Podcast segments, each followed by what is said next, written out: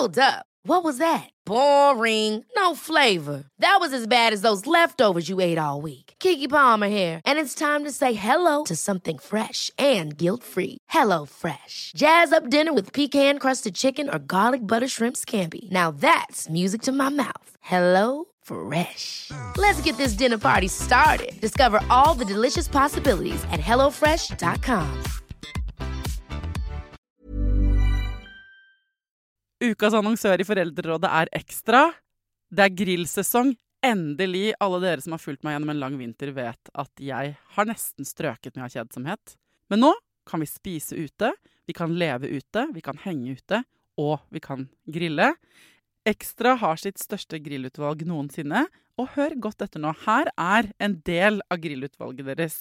Habanero-pølser, salsiccia-pølser, black aged pepper-pølser, cheesy bacon-pølser, beefy burger, cheesy burger, skinny burger, big beefy gourmet-burger, fiskeburger med hvitløk, fiskeburger med bacon, rødbet og søtpotetburger, soppburger, barbecue grillfilet, svinenakke med oregano og tomat, urtemarinert fårefilet, brisket, eller brisket som det egentlig heter, T-bone steak, flank steak, tomahawk, laksefilet med pesto, laksefilet med sitron, scampi med hvitløk og urter, crispy fiskeburger med ost, kyllingfilet med sitron og urter, kylling overlår, gyros, kyllingspyd, smoke barbecue, lårfilet av kylling og entrecôte.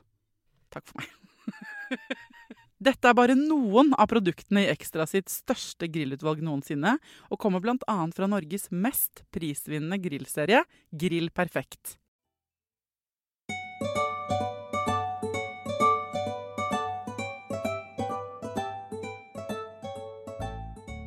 Hjertelig velkommen til en ny fredagsspesial, denne uka også om sex. Fordi da jeg eh, spurte dere på Instagram om dere ville spørre en sexolog, altså hva ville dere spurt en sexolog om, så fikk jeg inn så mange spørsmål at det ikke holdt med en episode forrige fredag. Vi lager en runde til denne uka. Eh, sexologen jeg sitter hjemme hos også denne gangen, er min egen søster. eh, NACS-autoriserte sexolog eh, Nanna Klingenberg. Hei, hei, hei! Du føler at du kjenner gjengen godt Ja. fra før, ikke sant? Absolutt. Forrige gang så handlet det alt om lyst. Altså hvordan få mer lyst. Fordi innboksen er full av spørsmål med ulike formuleringer rundt det. Så gå tilbake og hør den hvis ikke du har hørt den. Eh, I dag så er det de andre spørsmålene. Så i dag så det spriker det litt mer. Ok. Du får uh, svare så godt du kan, Anna. Skal vi se. Første spørsmål. Har du tips til hvordan jeg kan utfordre meg selv til å prøve nye ting? Ja, det er jo Seksuelle ting, da. Ja, vil jeg jo tro. Ja. ja, å utfordre deg selv Da må man jo sjekke sånn, hva er det du syns virker litt fristende, da. Det er jo ikke gitt. Jeg mener jo det er ikke gitt at alle, alle mennesker må ikke ha masse forskjellig sex. Nei. Man kan ha lov til å bare gjøre det som man syns er deilig. Punktum. Ja. Men hvis du har lyst til å prøve nye ting, så må du sjekke ut hva er det jeg har lyst til å prøve. Ja. Og det er jo sånn at noen ting virker kjempegøy i fantasien, og så virker det ikke så gøy å gjøre i praksis. Men det der å tillate seg å bare slippe fantasien litt løs Hva skjer oppi hodet? Det kan skje så mange rare ting. Og så er det noen av de hvor man tenker sånn Ja, men dette ville faktisk liksom kunne latt seg gjøre i virkeligheten. Mm. Kanskje er det ikke den eh, ja, Jeg vet ikke folk fantaserer om alt mulig rart. Men kanskje er det ikke de drøyeste du skal begynne med. Kanskje du skal begynne med noen av de som er litt sånn lettere.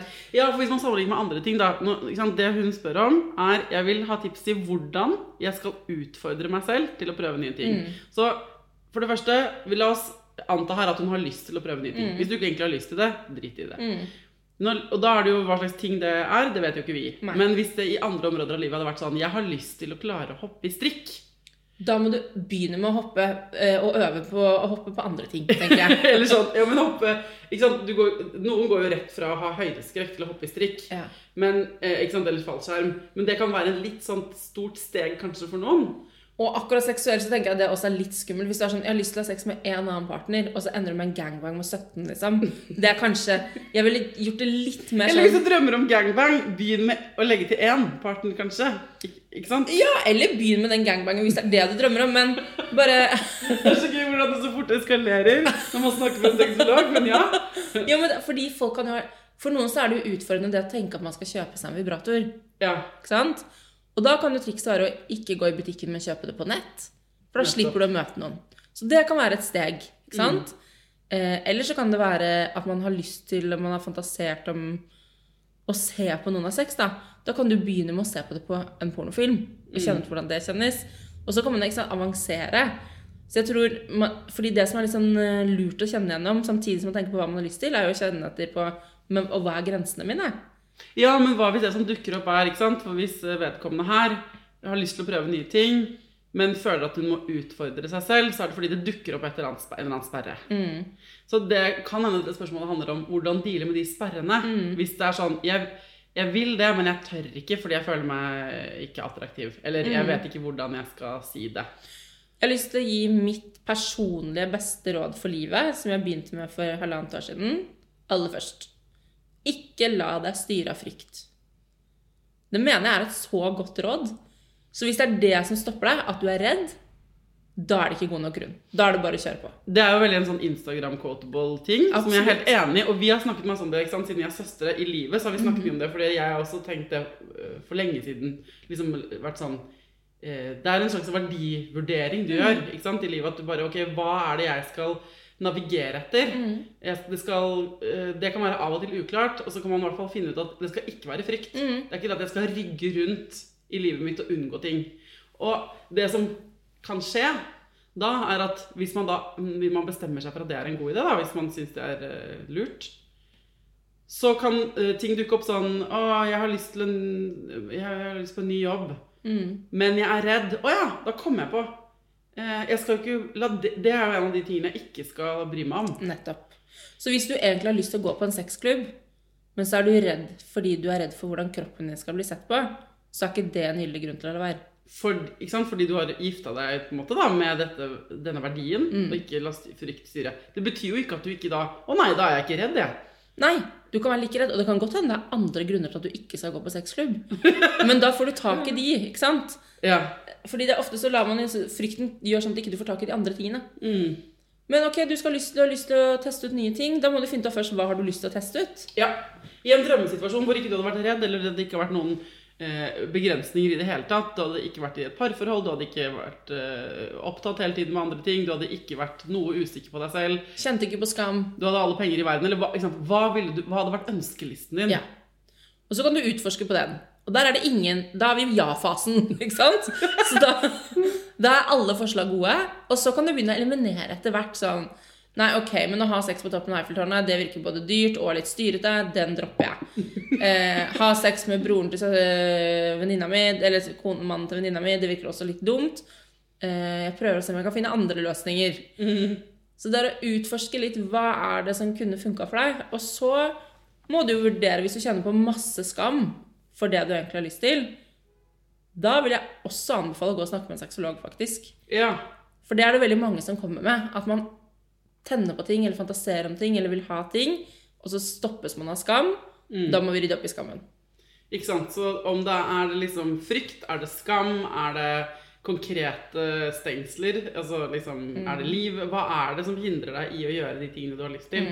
Det går utenfor seksualitet, dette her, egentlig. Men jeg snakker veldig lite om, sjelden om sex på min jobb. Ja. Folk kommer til meg og tror at sexologer. Ja, sexologer snakker om sex. Vi gjør ikke det. Vi snakker om følelser, vi snakker om pusting, vi snakker om stress, vi snakker om kontakt med kroppen. Vi snakker om veldig mange andre ting ja. enn sex. Ok, så uh, hvor- Og jeg må bare si en ting. Ja. Hvis du tenker at du skal prøve nye ting fordi alle andre driver med det, det er løgn. Så det kan du bare legge vekk. Greit. Vi har noen brystvortespørsmål. Ja, Og det som er interessant i denne innboksen, er at de spriker. ok. La oss begynne med Det kan jo brystvorter også gjøre. Det var et veldig sexologisk svar. Um, det stemmer. Uh, la oss begynne med denne siden av skalaen. Hvordan dealer jeg med at når babyen min ammer, så blir jeg kåt av brystvortestimulering? Ja. Hvordan er det et problem for deg? Tenker jeg først og fremst. Det er jo vinn-vinn. Det er jo kjempefint. Jeg vil bare si at Det kan godt hende folk syns at dette er litt sånn Ja, men du blander to verdener. Du sitter Ja. og ammer babyen din, og så kjenner du på kåtskap. Og barn og kåtskap er en vanskelig kombinasjon. Ja, sånn. man kan bli veldig- sånn mindfucked i Ja. at det er ikke burde vært lov. Men samtidig så er det ikke barnet ditt du tennes på. Du får en seksuell stimuli av at du kjenner den bevegelsen i brystvorten som ikke handler om barnet ditt i det hele tatt. Det handler bare om en kroppslig respons. Ja.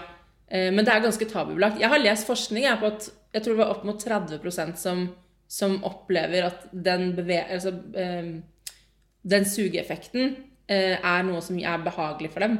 Og at jeg tror det er sånn seksuelt. seksuelt spennende, Ja. liksom. Ja, og jeg, det det også kan gjøre Nå er jo ikke jeg gynekolog, det er ikke du heller, men dette vet jo vi som har født, og det, du som jobber i feltet. Altså, og etter at man har fått barn, så hvis man, når man ammer, så trekker jo livmoren seg sammen. Mm. Sammentrekningen i livmoren ligner jo på Det er jo det som skjer under en orgasme, Mm. er det ikke det? At det er sånn livmorsammentrekninger. Så det er jo ikke rart at dette er assosiert med hverandre. Nei. Så det som egentlig er problemet her, tenker jeg, det er at man tenker Oi, dette er skamfullt. Dette, sånn her burde jeg ikke kjenne det. Ja, det kan hende. Hun skriver jo bare 'hvordan dealer jeg med det'? Ja, og dealingen med det er jo å tenke at det handler ikke om at du tenner på barnet ditt. Kanskje du heller kan tenke å, så deilig for meg at ikke det gjør vondt når jeg ammer, som mange andre opplever. Så deilig for meg at jeg får en liten sånn seksuell boost, da. Mm. Good for you, tenker jeg på ekte, altså. Det er kjempefint.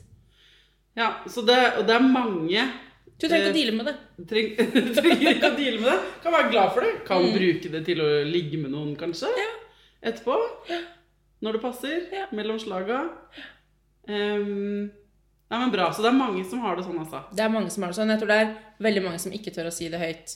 Det var veldig, jeg synes det er veldig kult at uh, du sendte det til innboksen, fordi et, det er mange, mange mange som hører på dette nå, som bare Faen, jeg òg. Mm. Det er ingen Det har aldri turt å spørre om. Det som er gøy med brystvortespørsmålene i innboksen, er at de spriker veldig. Eh, jeg skal bare finne den som representerer den helt andre siden av skalaen her. Mm. Og det er Jeg takler ikke at min mann tar på brystvortene mine etter at jeg sluttet å amme. Nei. Hva skal vi gjøre? Så her har vi andre siden av skalaen. Det er liksom helt no go. Ja. Og da er jo spørsmålet hva er det som skjer når mannen din tar på brystvortene dine? Er det en tanke om at 'Å, jeg endelig ferdig med den ammingen. Kødder du? Du får ikke være i nærheten.' Jeg, det er liksom off limits nå. Er det en stor emosjonell respons? Det kan være mange ting som skjer. Som er, kanskje er de såre etter all omhengen. Da er det jo ikke noe deilig å bli tatt på. Så det kan være mange grunner Mm. til det. Og det står jo ikke her, ikke sant? Nei. Eh, og jeg tenker at når du får et så tydelig signal, så skal du høre på det. Ikke ta meg på brystvorten, vær så snill. Nei. De er ikke en del av den seksuelle buffeen min lenger. Den er ikke på tilbudet. Eh, brystvortene mine er off limits en Mine periode. brystvorter trenger litt space nå en periode, så de må du holde deg unna. Det er helt ok. Kanskje du heller kan ta litt på hans. ja! Change the tables. Ja. eller Hva det er for noe. Men altså, for det er ikke Noen ganger så er jo Du har fått overstimuli, kanskje, da.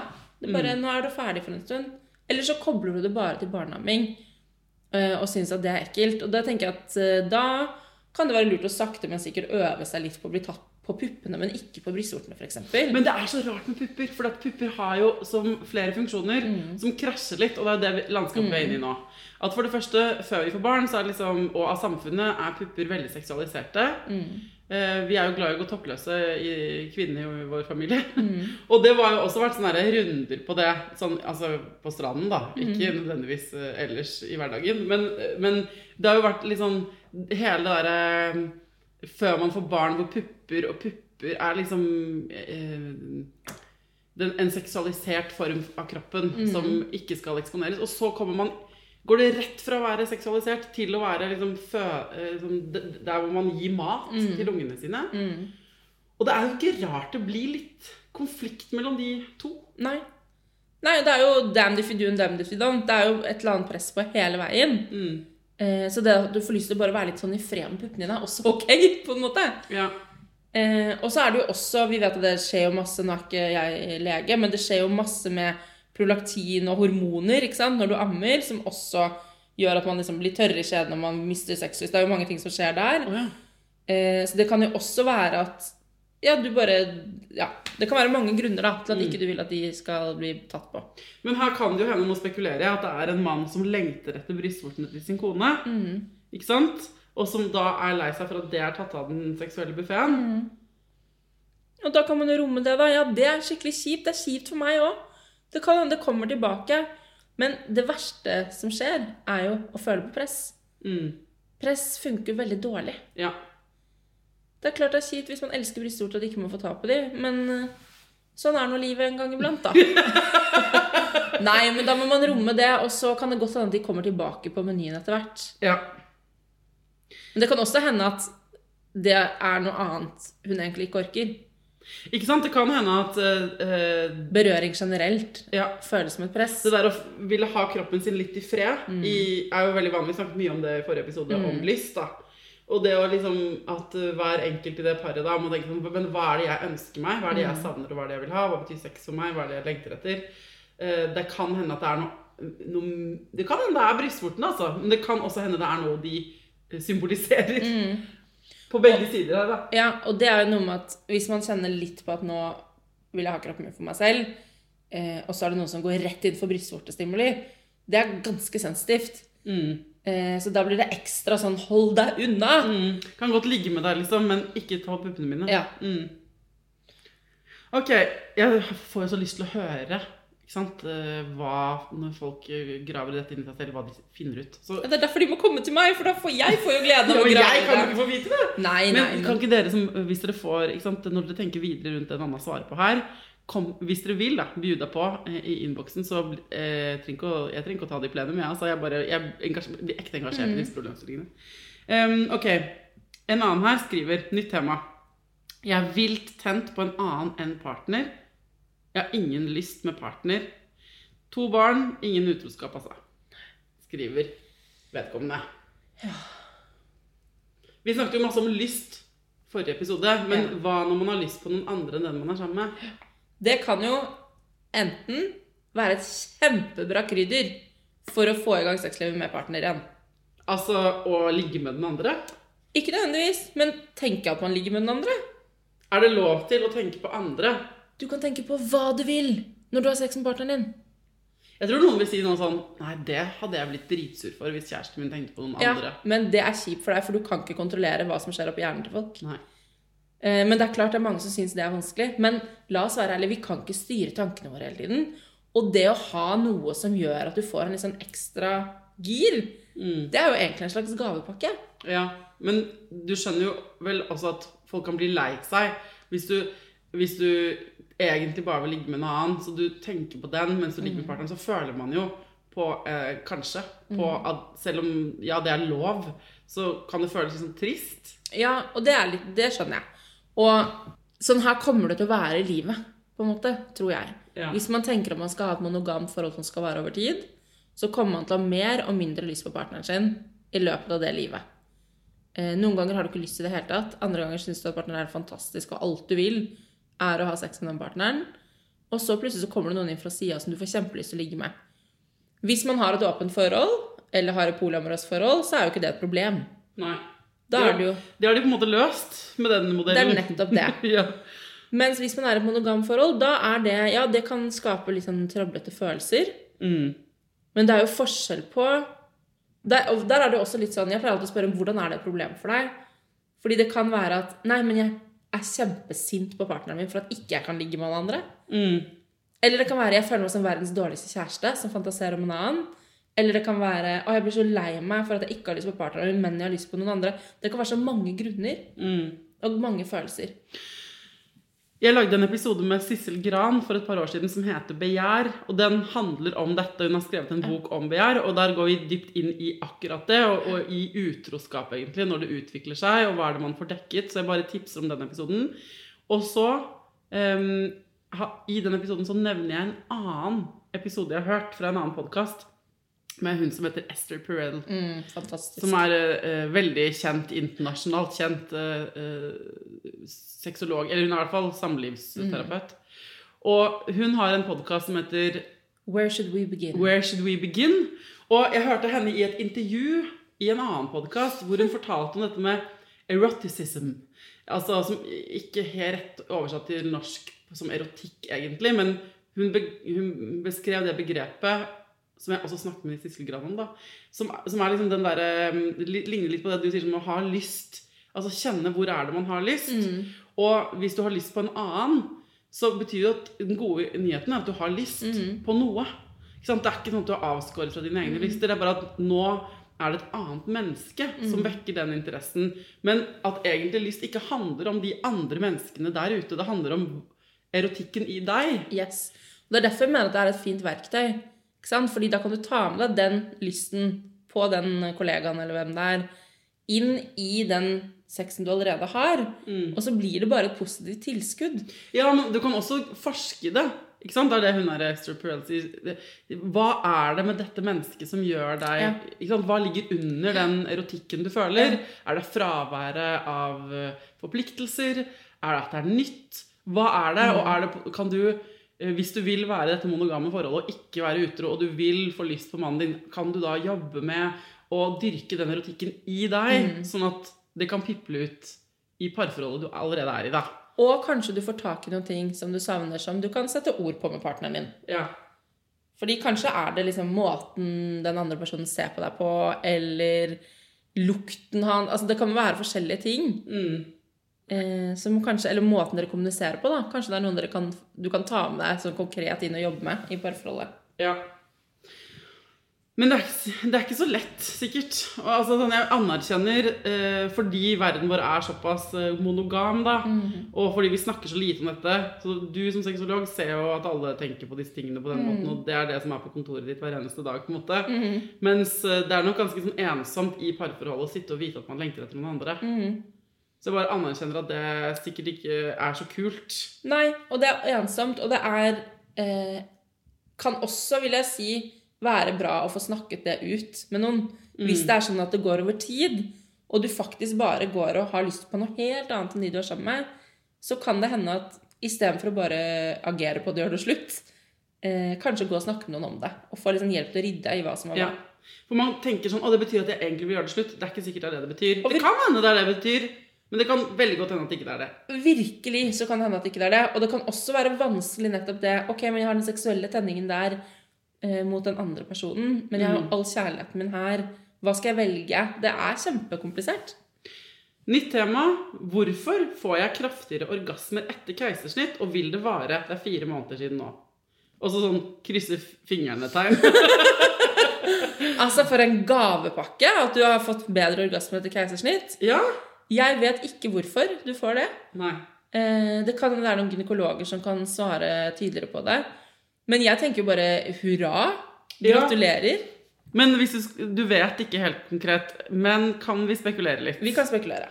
Fordi øh, det, Jeg vet ikke hva hun mener med kraftigere orgasmer.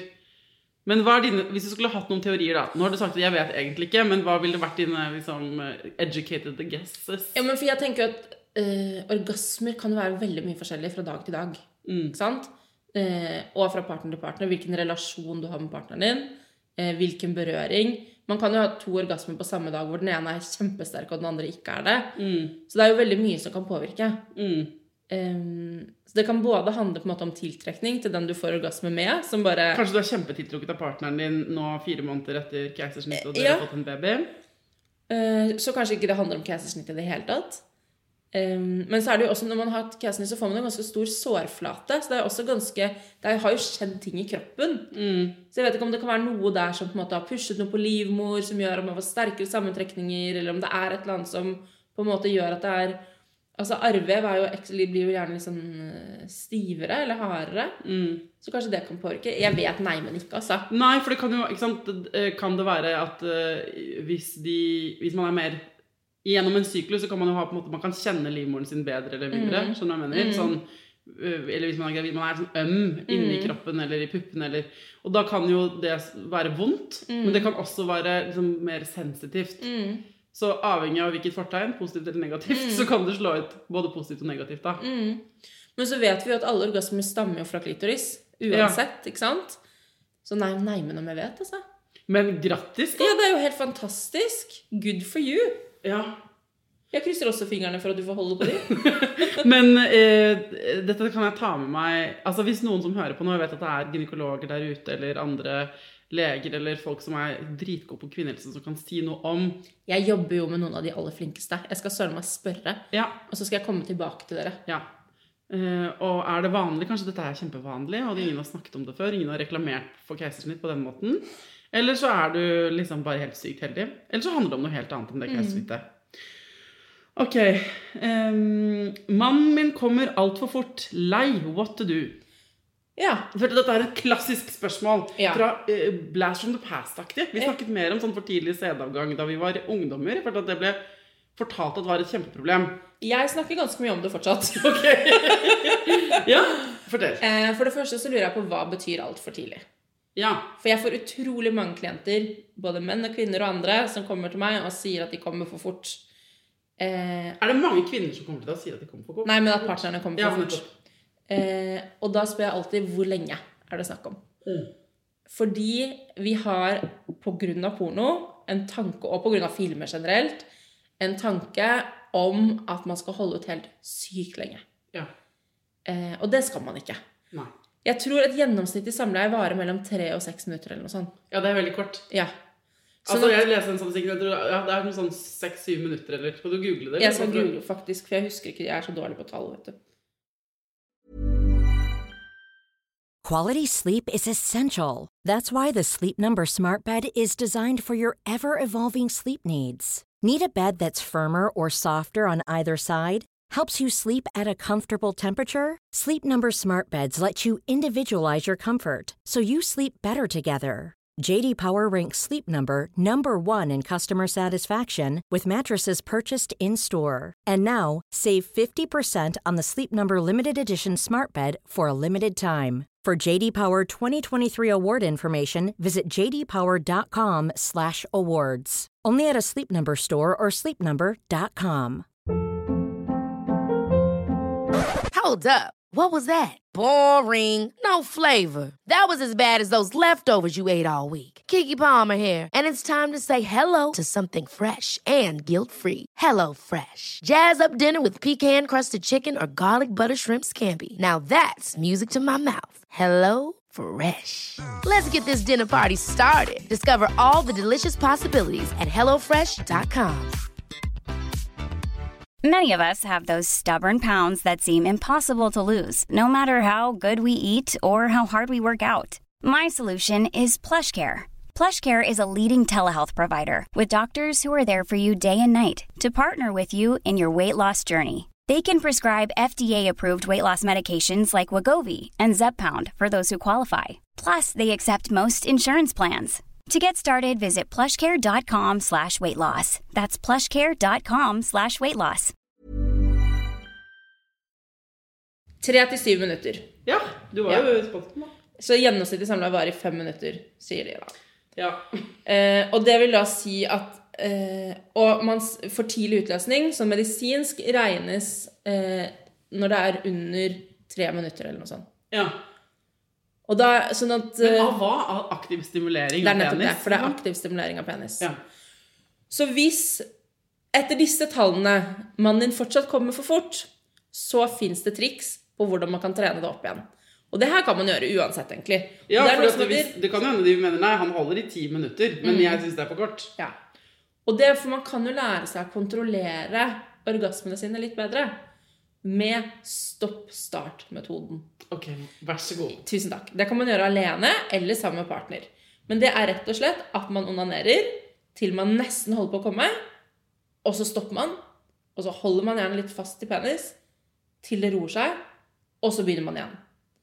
Og så holder det altså edging, som noen bruker det som i sexlivet. Mm.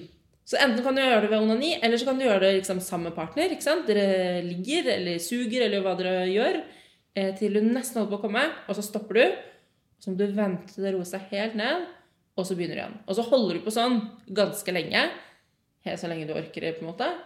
Eh, og til slutt så kommer du. Og ved å gjøre dette over tid, så kommer du til å holde ut lenger, og du kan også da kontrollere orgasmen din bedre. Ja, på hvilken måte da? Sånn at når du merker at du holder på å komme, når han du liksom- merker det, så kan ja. han stoppe. For da blir du mer bevisst. Oi, nå, nå er jeg på vei til å komme. Stopp. Freeze! Everybody freeze! Og så brå, Det er litt slitsomt, for det det jeg lurer på her. Jeg har lyst til å stille spørsmålet. Ikke sant? Uh, hun som sender inn, sier mannen kommer altfor fort. Lei, what to do? Spørsmålet er er mannen lei. Det kan jo hende at ikke det er et problem for han. ikke sant? Og så skjønner jeg jo det veldig godt uh, hvis eh, det betyr at uh, sexen varer bare frem til han har kommet. Mm. Men der, det, det virker veldig sånn Det virker litt sånn. Mm. Fordi hvis hun er så innmari lei eh, På en, en måte å løse det på er sånn La han komme, da, og så kan dere bare fortsette. Yep. Eh, med andre ting. Oralsex eller fingring eller hva det nå er. Ja. Nå blir jeg helt sånn. Eller sørg for at du kommer først, da. Ja. Hvis det er sånn at, fordi For noen så er jo det å ha sex etter å ha kommet helt sånn Det går ikke, liksom. Eh, for da er man ferdig og trenger space med kroppen og sånn. Men sørg for at du får komme først, da. Eller slutt med det Jeg mener jo også at man skal slutte å fokusere så innmari mye på å komme, da. Det må jeg bare si. ja. Eh, for det er så mye sånn prestasjonsfokus. Og heller fokusere litt på sånn, hva er det nytelse. Jeg men nyt, Dere hører det her først. Nytelse er den nye prestasjonen. Du hørte det her først Yes. i Foreldrerådet. Nytelse er den nye prestasjonen.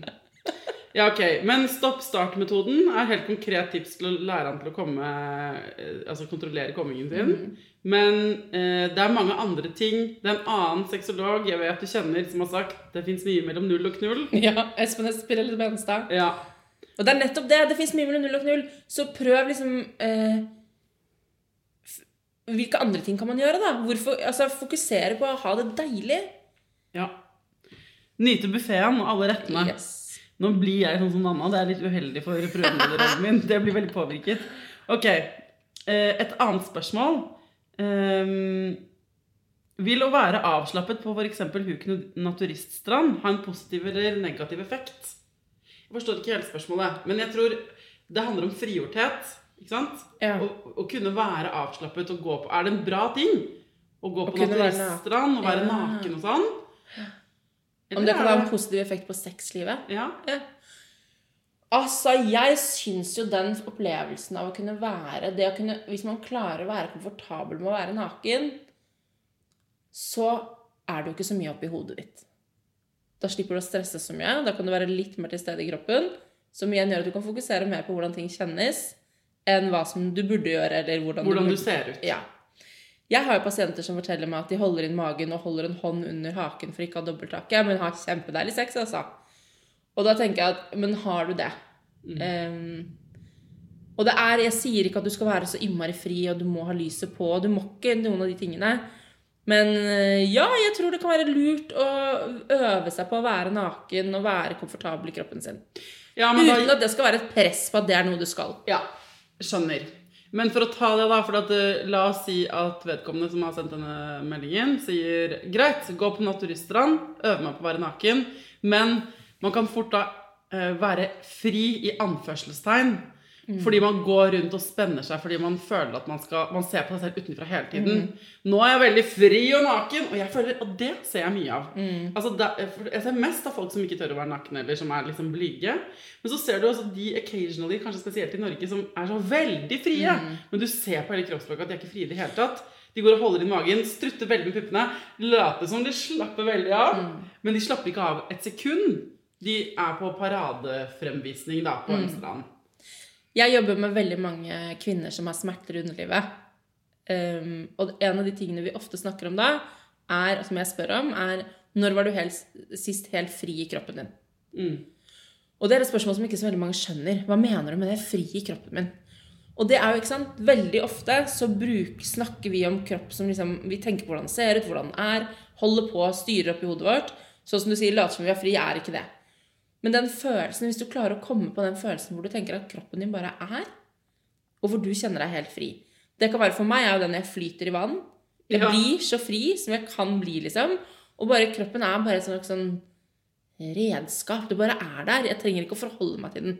For andre så kan det være når de danser med lukkede øyne, eller når de løper i skogen. Der hvor kroppen man bare er, har en sånn frihet. Det er vanskelig å beskrive det, for vi har snakket om det som søstre, og vi har snakket om det i podkasten før. Men eh, det kan være sånn eh, Når man er, er barn, mm. så det er fravær av å tenke på kroppen din. Du bare er i den, i mm. situasjonen. Så eh, når man er barn, så har man ofte flere sånne situasjoner. Sånn Mhm. eh, Du husker ikke Du hadde ikke et ytre blikk på hvordan du så ut da du fisket krabber. Du bare sto i vannet og var opptatt av de krabbene. Det å bare være til stede i det du holder på med, istedenfor å hele tiden lure på hvordan fjeset ditt ser ut, eller kroppen din ser ut i situasjonen. Ja. Og for å gjøre det, så er man ganske avhengig av pust. Og grunnen til at jeg snakker om dette her nå, er fordi jeg tenker at apropos hva det er som kan gjøre en fordel for sexlivet, så er jo det å klare å være til stede Være inni kroppen sin inni kroppen sin og i berøringene istedenfor å være i tanker om hvordan ser jeg ut nå, hva hvis jeg ligger sånn, hvordan ser magen ut når jeg holder på med dette. Hvis du klarer å faktisk være i kroppen, mm. Puste, liksom, puste med magen, fokusere på pust, rett og slett, da. Jeg snakker så mye om pust jeg på jobben om dagen. Eh, det er med på å hjelpe. Om du da gjør det på nudiststranden på huk, eller om du gjør det hjemme i stua, men det der å klare å liksom være til stede i kroppen sin Mm. eh, Jeg syns det kan hjelpe å være naken nettopp fordi da er det ikke noen klær som presser, og du kjenner Det er mindre friksjon på en måte som kjennes på kroppen. Mm. Eh, Jeg kan jo fortelle, fordi nå er vi inne i den sesongen, nå midtvinters, hvor enten vi vil eller ikke når vi lever i det landet vi lever i, så er vi, blir vi mer fremmedgjort fra kroppen. For det er hele tiden et plagg. Det er en ulltrøye, det er en strømpebukse, det er noen ullsokker. Man har? Jeg pleier å si sånn, jeg har ikke sett leggene mine siden i fjor, jeg. Sånn når våren kommer. Og så tenker jeg ikke, jeg merker ikke egentlig noe forskjell på meg selv før våren nå kommer om forhåpentligvis en stund. Og man tar av seg igjen. Og jeg kan føle sånn herre ah, yeah! ja. Hva? Det er ikke som huden sier sånn What? Hva er det lyset? Og så er det ikke den Jeg har trodd at det skal være kjempedeilig, men det har ikke vært noe deilig. Og det tenker jeg den der fremmedgjøringen fra kroppen vi på en måte får fordi vi er mindre eksponert for vær og vind, eller at vi går så tildekket hele tiden, da. Eh, Den tenker jeg aktivt på hvert år. Og jeg eh, må på en måte er, Jeg må øve. Det er ikke sånn trening. Det, det er ikke digg første gang man går på den tre- tredemølla, liksom. Nei. Man må på en måte øve seg litt. Og det tenker jeg at har det der å være til stede i kroppen er også en sånn ting. Mm. Så du må ikke være naken, men det er noe med å liksom eh, ta vekk alle de der lagene. Mm. Og så er det for noen sikkert helt forferdelig, og jeg hater å være naken, og det er ingenting som gjør det mer anspent enn det. Og da skal ikke jeg tvinge noen, ass, men Men litt allikevel, faktisk. eh, jeg kan jo ikke tvinge noen, men det å Jeg snakker med mennesker som aldri har brukt hendene sine når de vasker seg. De bruker klut. Så de har aldri tatt på sitt eget underliv, f.eks. snakker du med mennesker som aldri har tatt på sitt eget underliv? Ja. Og hvordan man da skal klare å måte være til stede i kroppen og nyte sex hvis man ikke engang klarer å forholde seg til sitt eget underliv, er jo veldig komplisert. ja.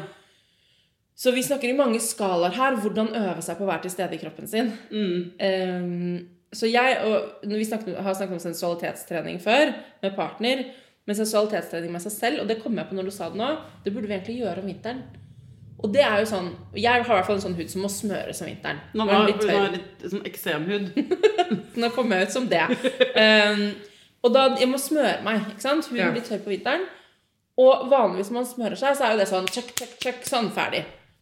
Men sensualitetstrening med seg selv er jo faktisk gå ut av dusjen og så smøre seg sakte. Å, som en sånn dame på et reklamefilm. Ja, og væ- Men ikke tenke at du er det. Du skal bare være til stede i det.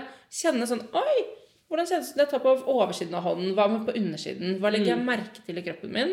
Det er faktisk sensualitetstrening med seg selv. Og nå kommer du til å tenke sånn Å, herregud, så sexologisk. Ja, det stemmer. Det er en veldig sexologisk ting å si.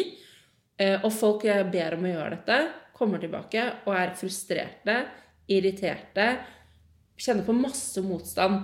Og den motstanden er spennende å jobbe med. For hvorfor har vi så mye motstand i å være liksom stille til stede på egen kropp og hud? Mm. Det er masse følelser i det. Så til den som sendte inn det spørsmålet om Asturiststranden og ikke visste hva de åpnet for, en slags avhandling, eh, så er det Ja, det kan godt være kjempebra å dra på en turiststrand og være mer naken. Det kan være en kjempeeffekt. Men hvis du er naken on a display, altså, eh, så hjelper det ingenting. Nei. Hvis det bare blir enda en arena du skal uh, ha et ytre blikk på deg selv på. Hvis jeg forstår det riktig. Mm. Uh, Og man trenger ikke å dra uh, på naturiststrand. Det er jo uansett ganske kaldt i februar. Januar-februar.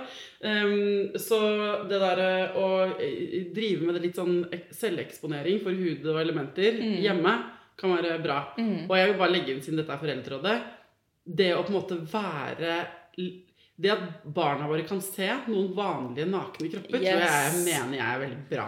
Det er livsviktig, tenker jeg at det er. Altså, det, eh, Ungdommen nå til dags, og nå er ikke jeg ekspert på dette, annet enn at jeg jo har denne podkasten da, men de, de ser ingen nakne folk. De, det, det er bare Altså, det er porno, da, og så er det TikTok og flate mager, på en måte. Men så det der å eh, dra på et offentlig bad og Men selv ikke der dusjer folk uten badetøy lenger. Nei. Så det der å liksom Være litt sånn 70-tallsnaturist i eget hjem, det tror jeg det stemmer jeg for. Hvis man eh, vil, da. Ok, det er noen som lurer på noen ting om jobben din. Ja. Eh, hvordan kan man jobbe som sexolog, og er det eh, lett å få jobb? Og hva er de vanligste problemstillingene du møter? Oi, oi, oi. Altså, det er jo ikke så veldig mange offentlige stillinger som sexolog. Nei. Så du må på en måte lage deg det mye i din egen arbeidshverdag. Veldig mange NAX-autoriserte sexologer jobber jo med bakgrunn i liksom grunnutdanningene sine. Om som sykepleier eller helsesykepleier eller lege eller noe sånt. Og så i tillegg så har de den sexologbiten. Jeg er jo ansatt som sexolog på Sex og Samfunn og i egen praksis, så jeg er jo veldig heldig sånn sett. Men vi gjør mye forskjellig, da. Mm. Eh, de vanligste tingene Altså Hva er topp fem problemstillinger, liksom? Nå har jo jeg den yngste pasienten min, er, eller klienten er 16, og den eldste er 78. Så jeg har et veldig gøy eh, bredde Mm. eh, i temaene jeg snakker om. Og det som er morsomst, er jo at de lurer på det samme. Ja. Og det er eh, Er jeg ok? Er dette ok? Er min seksualitet liksom innafor? Er jeg normal, på en måte? Eh, burde jeg skamme meg? Mm. Det er på en måte ett tema. Og så er det det største temaet av alle, som handler om lyst. da. Som vi snakket om i forrige episode. Ja, Har jeg nok lyst? Jeg har for, føler at jeg har for lite lyst. Jeg har for lite annerledes lyst enn partneren min. Jeg aner ikke hva jeg har lyst til. Jeg kjenner ikke min egen lyst i det hele tatt. Mm. Eh, så jeg har veldig mange som jeg snakker med som har smerter i underlivet. Eh, jeg er gjerne på Sex og Samfunn, for der jobber vi jo med gynekolog og lege og fysioterapeut. Og det er unge folk, det er de under 25. Det er de under 25. Det er overraskende mange jenter under 25 som har vondt i underlivet. Det er veldig mange som har smerter. Eh, også over 25, men de snakker jeg med på privaten. Eh, som har, har forskjellige smertetilstander, rett og slett. Og da blir jo sex ofte litt vanskelig. Mm. Eh, og så er det mange som har vært utsatt for ting. Overgrep på forskjellige måter. Eh, så det er også mye av tematikken. Hvordan, enten fordi det dukker opp traumer i et parforhold, eller fordi man har vært utsatt for noe og ikke sagt det til noen før. Eller fordi man føler at seksualiteten har blitt ødelagt etter at man har vært utsatt for noe. Mm. Den har aldri blitt ødelagt. Den blir ikke ødelagt, men eh, kanskje man trenger litt hjelp. Mm. Og så snakker jeg mye om forskjellige fantasier og fetisjer. Da. Det er jo mye av det eh, som jo er gøy. Man kan jo ha fantasier og fetisjer om alt mulig rart. Får du av og til lyst til å fnise? Ja, men da fniser jeg ofte litt òg. Det er jo ofte Ja, men jeg er jo bare et menneske. Men jeg ler aldri av noen, ikke Nei. sant? Eh, det gjør jeg aldri. Jeg tror det aller viktigste Altså, min viktigste jobb er å bli sittende i den stolen og vise at det går bra. Jeg tåler å høre det du forteller meg, for det gjør jeg alltid. Mm. Og så kan det hende jeg fniser litt sammen med deg når du forteller om et eller annet rart og morsomt. Men det går alltid bra. Ja. Eh, og så snakker jeg masse om skam og kroppsbilde. Eh, for det sliter folk med. Folk har masse skam. Og jeg mener på ekte at skam det forsvinner, det sprekker som et troll i sola når man får snakket om det. Og når man tør å faktisk gråte det ut og kjenne på det, og at noen kan faktisk si til deg sånn Å, herregud, det skjønner jeg at det er vanskelig, men hør her. Så og så mange av mine klienter kjenner på det samme. Fordi det trenger man å høre. At man er en av mange. For det er man nesten alltid. ja. Så normalisering er kanskje det viktigste jeg gjør, da. Det høres veldig gøy ut, da. Det er så gøy! Det er så gøy! Altså, Jeg kan skrive det på at Nanna syns det er gøy, for hun, hun, hun er bare så lykkelig i denne jobben. Hun er så født til å ha denne jobben. Um, et spørsmål her. Ja. Det å velge tid til nytelse, er det en disiplin jeg bør, bør vurdere på linje med andre sunne vaner? Altså kosthold og søvn og sånn. ja. Her eh, har jeg lyst til å si et høyt og rungende ja, samtidig som jeg er veldig var på det burde-greiene. Ja. For jeg syns ikke at sex og seksualitet skal være nok en burde-burde-burde-greie. Men det å sette av tid til egen sex, og parsex for den saks skyld, eh, det gir jo sykt mye helsegevinster, ikke sant? Eh, onanering er kjempebra. Du får i kontakt med kroppen, du får stresset ned, du får masse endorfiner. Det er liksom helsegevinst, og fokus på det er jo helt topp. Eh, men det er ikke noe sånn du må gjøre det så og så ofte for å ha det bra. For der er vi helt forskjellige. Men det er jo litt sånn Men eh, unn deg hvis du får lyst til å sette av tid. Gjør det. Ja. Unn deg. Unn deg! Um, jeg tenker jo, fordi Man snakker så innmari mye om trening, og Mm. så snakker man ganske mye om mat. Eller veldig mye om mat. Og så snakker vi ganske mye mindre, men stadig mer om søvn og hvile og restitusjon.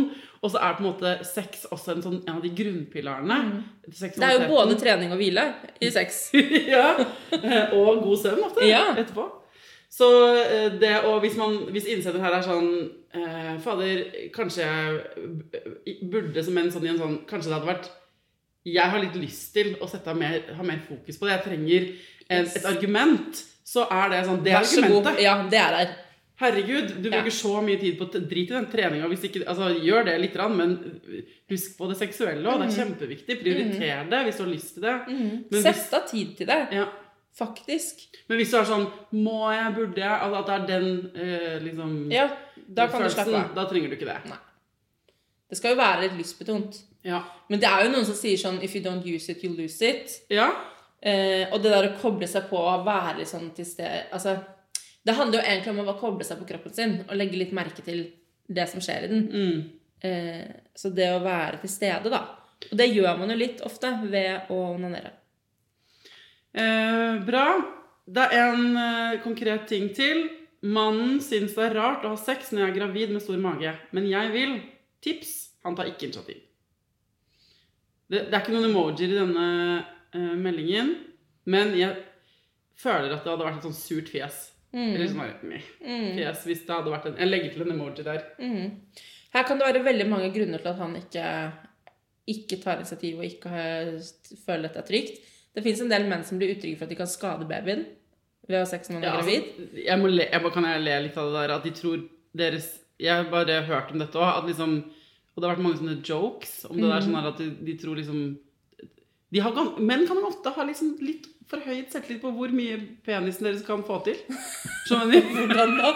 Nei, men sånn at er, liksom, er de redde for at de skal klubbe liksom babyen i fjeset? Skjønner du? Det er jo ikke sånn det, eh, Men jeg tror også det er veldig lett for oss kvinner å le av det, fordi vi kjenner hvordan det kjennes ut inni kroppen vår. Ja. Men de gjør jo ikke det. Nei. De vet jo ikke hva man treffer. Altså, det er jo liksom det er ikke så, Og når du ser en kjempestor mage og vet at her ligger barnet mitt inni der Skal jeg stikke tissen min så langt Ja, inntil det kan den føles barnet? rart. Ja, jeg skjønner det. altså. Jeg bare må, jeg, jeg mener ikke å underkjenne dere menn som er redde for dette. Men eh, nei, bra mamma. Det var, nå var du en god sexolog.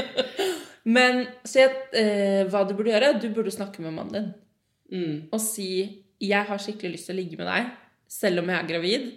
Det er ingenting som er farlig med dette. Hva er det, kan du fortelle meg hva det er som gjør at ikke du har lyst? Kanskje har han Du har forandret kroppen din så mye, han syns det er rart og uvant. Kanskje er han usikker.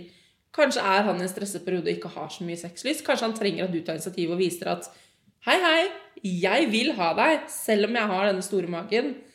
Man hører så mange ting om i graviditet sånn skal man gjøre det, og sånn skal man ikke gjøre det. Han er like mye offer for det, han. Mm. Det virker jo også Jeg går rett til det, da, men det er jævlig kjipt for henne. Det virker At kjempekjipt. liksom, Apropos kroppspress, at liksom fordi kroppen din bærer frem hans barn, så skal du føle deg avvist seksuelt fordi du har forandret deg litt. Det går jo rett inn i en sånn narrativ om at vi skal Nå er late til, mager. ja, måte. ikke tiltrukket av meg lenger, liksom. Det fins jo, må jeg bare si, så mange menn som er helt på den andre siden av den skalaen. Jeg var høygravid, og det her er jo 100 år siden da, på en bar da jeg gikk gravid med Tidemann, og drakk juice, husker jeg. øh, Og jeg var altså, så høygravid. Så kom det en fyr bort til meg i baren, og jeg var der med liksom faren, altså kjæresten min da, og faren til Tidemann. Og så han sånn Åh, gravide kvinner er så deilige. Jeg bare tenkte sånn Kødder du med meg?! Du, the audacity, ikke sant? Til å komme bort til deg i, eh, når du står og drikker juice i en bar og er høygravid. Det, men det, de er der ute. Det er jo mange som syns kvinner blir kjempefine. Ja. Så er Og det, det kan godt at mannen din ikke syns det. Men det kan hende at mannen din syns det. At han bare er kjemperedd. Ja. Eller usikker. Eller tenker at ja, nå får jeg i hvert fall ikke lov til å prøve meg på deg. Det vet vi ikke. Så du må snakke med mannen din. Ja. Det er det du må. Du må si til han at du, hva er det som foregår? Vi har sluttet å ha sex. Jeg har så lyst til å ha sex med deg. Kanskje han ikke ser for seg hvordan, hva slags stilling skal dere få til det i, på en måte. Mm. Så eh, snakk med ham. Sett ord på dine behov. Og så kan du komme tilbake til oss hvis det er sånn at han sier at men han vil ikke. Da kan vi snakke sammen på nytt. Hvorfor, hva skal du si da? Nei, da må vi jo snakke sammen med han, da, tenker jeg. Nå må de komme på kontoret. ja. Ok, et siste spørsmål. Kan man bli permanent uttøyd når man anvender store dildoer? Eh, altså, eller hele tiden bruker, altså, man hele tiden bruker en stor dildo. En større dildo enn en penis, da. Ja, men hvor stor dildo snakker vi om da, på en måte? Jeg vet ikke, det er ikke mitt Nei. spørsmål. Eh, I utgangspunktet så vil jeg si nei til det. Kan vi, kan vi snakke litt om den der uthøyd-problematikken? Ja. Altså, veldig mange eh, Jeg mener ja, ja, la oss snakke om det. Det, det er et stort tema. Den der myten om at kvinner eh, blir vide Eller som man har hørt, jeg har hørt siden jeg var ungdom. Som er sånn Jenter som ligger med mange, blir slappe, eller Ja, Shaman Durek gikk vel ut og sa det for ikke så altfor lenge siden også. Å, herregud. Jeg tror han sa noe sånt. Eh, det er løgn. Du kan ligge med kjempemange pensler. Det er ingen som kommer til å se hvor mange pensler du har ligget med. Eh, det er ingen som engang kan se at du har mistet jomfrudommen, som man trodde før. Ikke sant? Det er veldig mange myter rundt dette. Jeg, jeg må bare si, jeg har diskutert dette her med en mann en gang. En eldre mann. Type white male, pusher 50-aktig type, da. Hvis dere skjønner hva jeg mener. Og han var sånn, det er klart det, en dame som har ligget mye rundt og hatt mye sex med mange forskjellige, man merker jo det, det er klart det. Så jeg er sånn, er du helt idiot? Og jeg husker jeg fyrte meg opp, det var åpent kontorlandskap på en jobb jeg hadde. Så jeg er sånn, det er jo, det er jo en muskel. Det er jo som at eh, munnen din, altså fordi du har spist en svær burger, det er jo ikke sånn at du går rundt med en sånn slapp munn resten av dagen fordi du har fått deg en Big Mac, liksom. Den går jo tilbake, du kan jo fortsatt drikke av sugerør etterpå. Det er jo en muskel. Og eh, det er det ene. Og det andre er hvordan, hvorfor skal du liksom bli slappere i fisken av å ha ligget med 30 forskjellige menn enn å ha ligget 30 ganger med den samme mannen? Så det er noen myter i bånn der Ja. som handler om sånn kvinner skal ikke eh, Det handler jo om å kontrollere, da. Ja, vi skal ikke ha den seksualiteten vi har.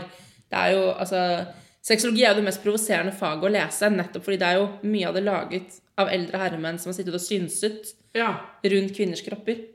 Og så Du har det på den ene siden, så jeg vil bare si det. Og så, er- så jeg vet jeg ikke om denne personens innsendte spørsmål For det er jo på den andre siden av skalaen noen problemer med sånn Ja, man får faktisk rupturer under fødsel. Alvorlige fødselsskader, ja. Eh, Mm. sant? Underlivet blir endret. Kvinner blir ikke hørt i helsevesenet når de sier det er ikke noe digg å ha sex lenger. Ja. Og der er det jo også masse mørketall på folk som ikke får hjelp. Ja. Så ok, hvis vi skal være helt konkrete, da. Hvis du har problemer med underlivet ditt, gå til en spesialist og kvinnehelse og krev hjelp. Du skal ikke ha vondt. Du skal ikke ha smerter. Hvis du merker at nå er det noe som er helt off, så fortjener du å få god hjelp. Hvis du føler at det ikke er friksjon når du ligger med noen fordi det er for eh, vid kanal, så må du gå og snakke med noen. Ja.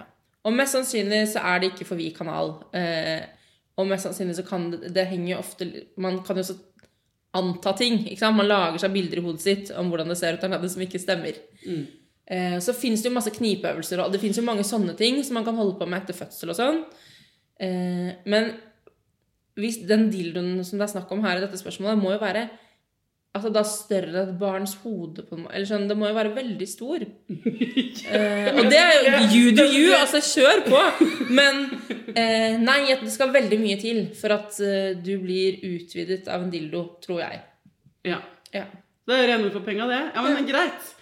Eh, bra, Nanna. Takk for at du svarer på alt det folk lurer på. Ja, Så godt jeg kan. Eh, eh, hvis eh, folk vil ha en time hos en sexolog, så må dere da, det har jeg lært jeg i forrige episode, gå på finnensexolog.no. Det er oversikt over alle de NAX-godkjente sexologer i Norge. Fordi det er ikke en eh, beskyttet tittel, så hvem som helst kan kalle seg sexolog. Og når du først skal snakke om de mest intime tingene dine, ikke gå til en som ikke kan det. Det tror jeg er ganske skummelt, i Ja. verste fall. Så eh, finnensexolog.no. Eh, der ligger jo også Nanna. Hvis du vil til henne spesielt, så er Skal jeg se om jeg husker mailadressen din. Eh, Sexologklingenberg at gmail.com. Det stemmer. Kult! Og hvis du er under 25, så kan du gå til Nanna gratis på Sex og Samfunn. Ja. Ja, men kult. Hvis dere har enda flere spørsmål til henne, eller vil opp, følge opp eh, de svarene dere har fått i dag, så er det jo ikke sånn at dette var siste runde nødvendigvis. Eh, send det til meg på Instagram, på Foreldrerådet-kontoen der. Takk for at dere er så åpne og kule. Er dere klar over, dere som har sendt inn spørsmål, hvor mange andre dere hjelper ved å tørre å snakke om det? Det er det som er så kult. Ja, det er veldig, veldig viktig og veldig kult. Og det skulle jeg ønske sånn i livet generelt. Ikke bare sitte og jatte med med vennene dine om hvor mye sex du har, og hvor bra den er og sånn. Vær ærlig. Tør å være sånn sårbar og si 'Åh, vi sliter litt, vi nå'. Eller 'Åh, jeg kjenner på lav lyst', eller eh, 'Jeg har hatt problemer etter fødselen', eller 'Jeg kommer for fort', eller 'snakk om det der'. Ja, men fordi folk kommer til meg, så har de inntrykk av at alle vennene deres har så sykt mye bedre og kulere sexliv enn seg selv. Og det stemmer ikke, fordi de sitter jo der begge to på mitt kontor på en måte etter hverandre. Ja. ja. Takk for at du stiller opp. Så klart, takk for at jeg får komme. Det er kjempegøy. Eh, gå nå hjem og ha sex på den måten du liker best. Enten med deg selv eller med andre. Ok, Til neste gang, ta vare på deg sjæl, ta vare på ungen din. Og lykke til!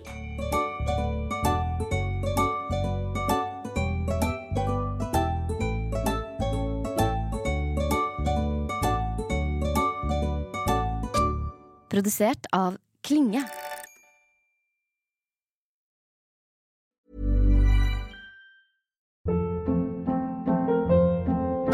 Hold up. What was that? Boring. No flavor. That was as bad as those leftovers you ate all week. Kiki Palmer here, and it's time to say hello to something fresh and guilt-free. Hello Fresh. Jazz up dinner with pecan-crusted chicken or garlic butter shrimp scampi. Now that's music to my mouth. Hello Fresh. Let's get this dinner party started. Discover all the delicious possibilities at hellofresh.com.